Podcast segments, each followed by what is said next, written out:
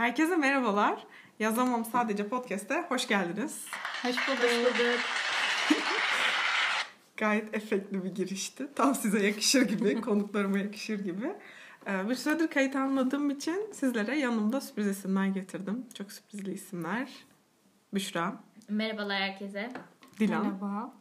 Hoş geldiniz. Hoş. Ee, evet uzun bir zamandır yokum. Neden? Önce bütünleme haftası. Arkasından e, kulüpte yönettiğim, organize ettiğim bir etkinlik vardı. Onun yoğunluğuydu. E, pek vakit ayıramadım podcast kaydı için. Ama e, şimdi buradayım. E, sizinle güzel bir konuyla beraber birlikte olacağız. E, konumuz nedir? Bugün ne konuşacağız? Biraz bundan bahsedeyim. Kısa bir giriş yapayım. Sonra sözü devredeceğim zaten konuklarıma, değerli konuklarıma. E, Bugün size izlediğimiz bir diziden bahsedeceğiz. Beraber izlediğimiz bir Netflix dizisi aslında. Startup dizinin adı. Bir Kore dizisi. Evet ben de çok şaşırdım gerçekten kendimin Kore dizisi izliyor olmasına.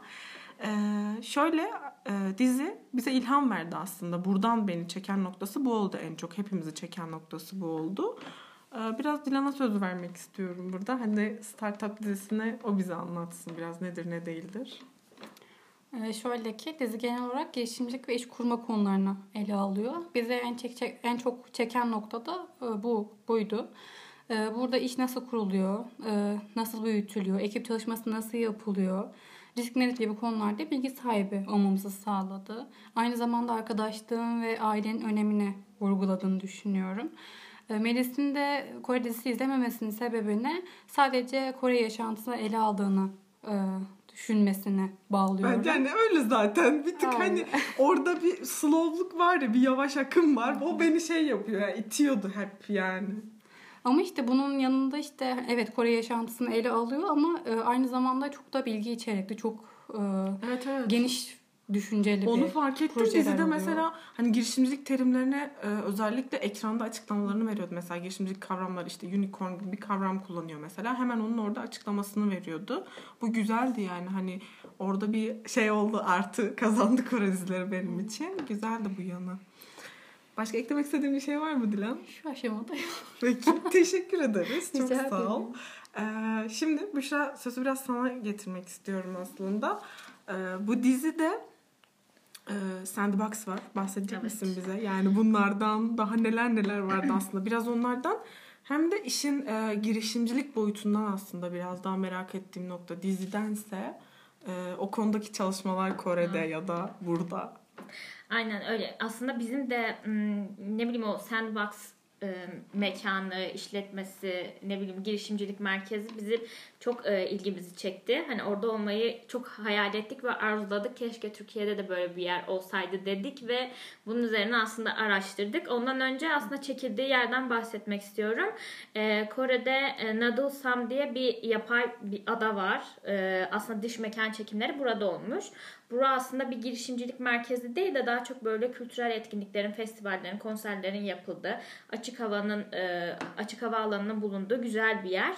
E, onun dışında iç mekan e, çekimlerinde Sandbox adında aslında filmde o girişim merkezinin ismini taşıyan gerçekte var olan bir ajanstan, e, ajansın içerisinde çekilmiş. Ve şey çok iyi değil mi? Bilmiyorum lafını bölüyorum da. Yani oradaki o e, akış çok iyi değil mi? Evet. Hani bir girişim merkezi ve işleyiş benim çok ilgimi çekti açıkçası. Türkiye'de böyle bir imkanın ol- olmasını o kadar isterdim ki. Yani Oraya bahsedeceksin birazdan, değil evet, mi? bir sonraki Tamam. e, adımımızda oradan oldum.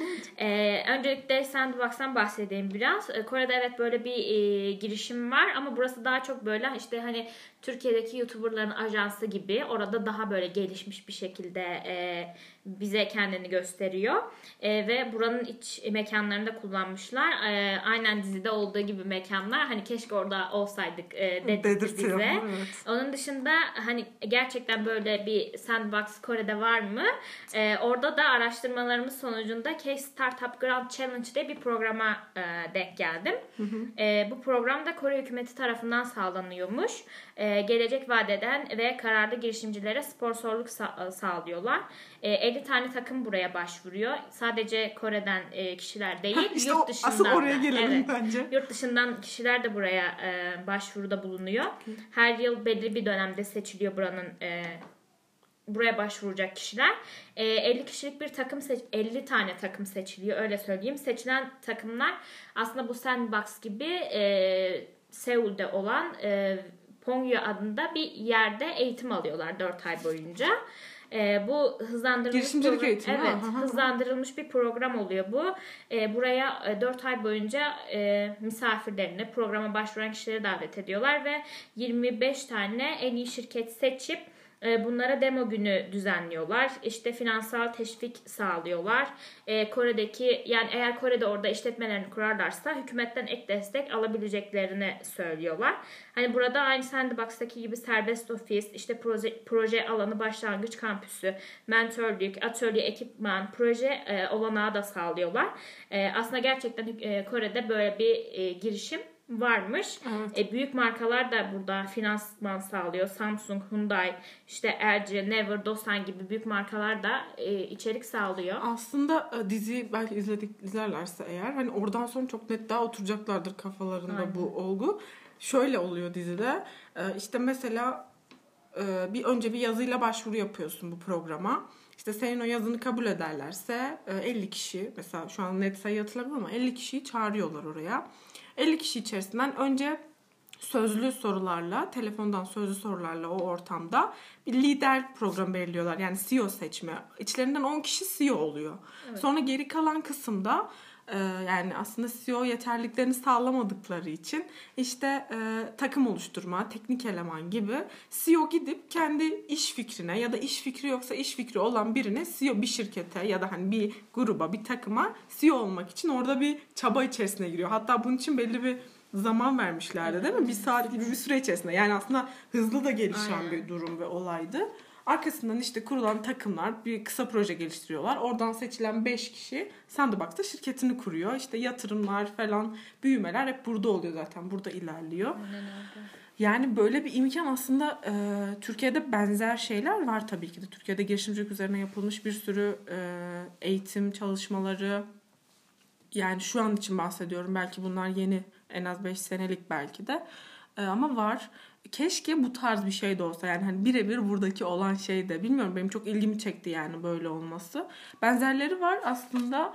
E, Büşra bahset bize bence biraz benzerlerinden. E, araştırdığımız zaman aslında biz Türkiye'de çok fazla böyle bir girişim olduğunu düşünmüyorduk. Ama bu da bizim eksikliğimiz. Aslında yeni yeni giriyoruz biz de bu işte. Aynen. Yani işte geçen sene hani e, ilk yeni yeni adım atmak işte girişimcilik nedir ne yapalım falan diye girerken yavaş yavaş öğrendik bunları. Aynen. O yüzden ilk şeyle başlamak istiyorum. Üretken akademi, akademiyle başlamak istiyorum. Ee, aslında bu hani adından anlaşılacağı gibi bir akademi sıfırdan e, anladığımız kadarıyla işte girişimci yetiştiriyorlar. E, bu üretken akademiye sponsor olan işte onlarla işbirliği yapan e, tanınmış firmalar da var. İşte T3 Girişim Merkezi olsun, Aselsan olsun, Bilişim Vadisi olsun, TürkSat olsun. E, bu üretken akademide işte girişim yetiştirme programı sağlayıp eğitim mentor desteği veriyorlar. Bunun haricinde işte Gen Türkiye'ye rastladık. Aslında bunu Evet Gen Türkiye çok yeni. Evet, Reklamları falan çok yeni yapıldı. Evet e, gayet de ses getirdi de diyebilirim. Aslında Gen Türkiye 178 ülkede faaliyet gösteren küresel girişimcilik ağının Türkiye ayağı. Habitat Derneği'nin idari yönetimiyle kurulmuş. E, Gen Türkiye'de girişimcileri destekleyen, geliştiren programlar yaparak, politikalar belirleyerek Türkiye'nin girişimcilik ekosistemini güçlendirmek amacıyla kurulmuş. İşte mentor desteği sağlıyorlar. Me- melek yatırımcılarla bir araya gelmenizi sağlıyor. Girişim hızlandırıcı programlar düzenliyor. Hackathonlar düzenliyor. Network e, elçilikleriyle e, etkinlikler düzenliyor. E, güzel eğitimler veriyor. E, Evet, Biz evet. bunu gördük. Evet. E, bize de ilham oldu aslında. Hani aslında Sandbox, Kore'nin Sandbox'ı Türkiye'de Gen Türkiye gibi e, girişimler üzerinden e, aslında varmış. Evet evet. O şekilde ilerliyor. Aynen. Yani e, bir fikrimiz olduktan sonra açıkçası takım olma isteği olduktan sonra Türkiye'de de bu imkanlar var ve değerlendirilebilir aşamada. E, Umarım bizim de bir gün yolumuz buraya Evet. düşer. İsteğimiz ve heyecanımız çok fazla bu konuda. E, Bakalım hayat yoluna getirir. Tabii biz mühendislik okurken bilmiyorum bu bir şey mi? Buna çok itti yani bizi. Belki de içimizdeki enerjiden bilemiyorum. Umarım olur. Evet. E, e, aslında şöyle bir şeye de değinmek istiyorum. E, az önce Melis de söyledi. Acaba gerçekten o sandbox ortamı Türkiye'de var mı diye. Aslında bu da yeni bir kuruluş. T3 Vakfı'nın girişim merkezinden de bahsetmek istiyorum. Buraya da bir e, paragraf açmak istiyorum. E, T3 girişim merkezi e, aynı sandbox'taki gibi ofis alanları, işte de, e, teknik destek uzmanlarının, ustaların, aslında burada ustalar dediğim e, normal bildiğimiz mentorlar ama T3 Vakfı onu işte usta çırak, için.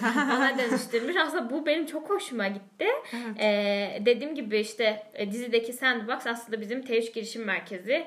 E, burada otonom teknolojileri, yapay zeka, makine öğrenmesi, Bu da yeni yeni gelişiyor evet. değil mi? Evet. evet yeni açılmış sayılır. Hatta başvuruları hani bir başvuru şey girişim eğitim diye bir başvurusu oldu. Ona evet. da başvurduk. Herhalde 19 Şubat'ta bitiyor yanlış bilmiyorsam. Evet evet. Ve eğer bu e, podcast yayınımızı dinliyorsanız e, ve siz de girişimcilik hakkında işte bir şeylere başvurmak, bu yolda ilerlemek istiyorsanız aslında buradan bahsedelim.